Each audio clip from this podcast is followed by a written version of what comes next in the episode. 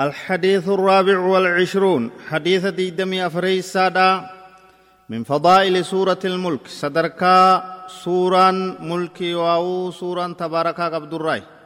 عن أبي هريرة رضي الله عنه عن النبي صلى الله عليه وسلم قال إن سورة في القرآن ثلاثون آية شفعت لصاحبها حتى غفر له. تبارك الذي بيده الملك. أبا هريرة الرودي في نبي كين عليه الصلاة والسلام أكن جانجي.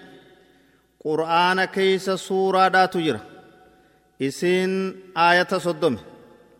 شفعت لصاحبها صاحب إسيت شفاعة يواو مغنتا يواو أرارتاتية. حتى غفر له هنگ إساف أرارمون قرمت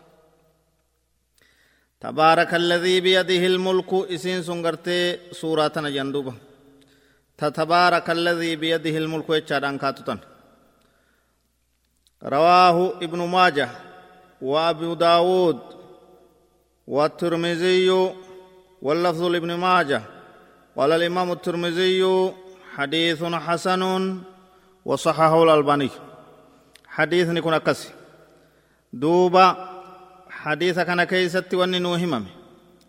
سوران قرآن الراتات. تمكان إسي تبارك الذي بيده الملك. جمت. تكاو سورة الملك جمت. تآية صدوم قبت. نما إسي قرأيف نما إسي قرأو هدوم ميسف. أرارة تاتي أراني أرارسيتي من قدوم ما شفاء قويا فول ربي يجر.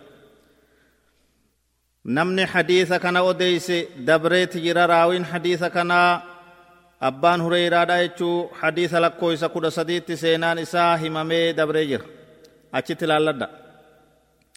Faayidaalee hadiisa kanarraa argannurraa yadullu haadha alhadiisu alaa fadaa'ili suurati ilmulki hadiisni kunni qaceelchaa sadarkaa darajaa suura mulkii qabdu irratti.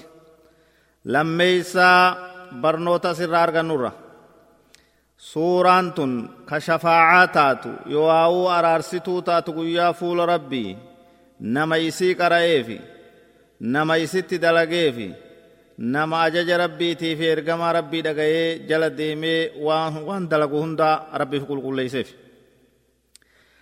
sadeeysaa hadiisni kun wanni nu hubachiisu qur'aana qara'uun barbaachisaa tahuu akkuma walii galaatti qur'aana qara'uu qur'aana tottoohachuu qur'aana quba qabaachuu keeysaa'u immoo suuraa tana akkaan fardeeyfachuu baruu hubachuu qara'uu jala deemuu itti dalaguu irra jiraachuu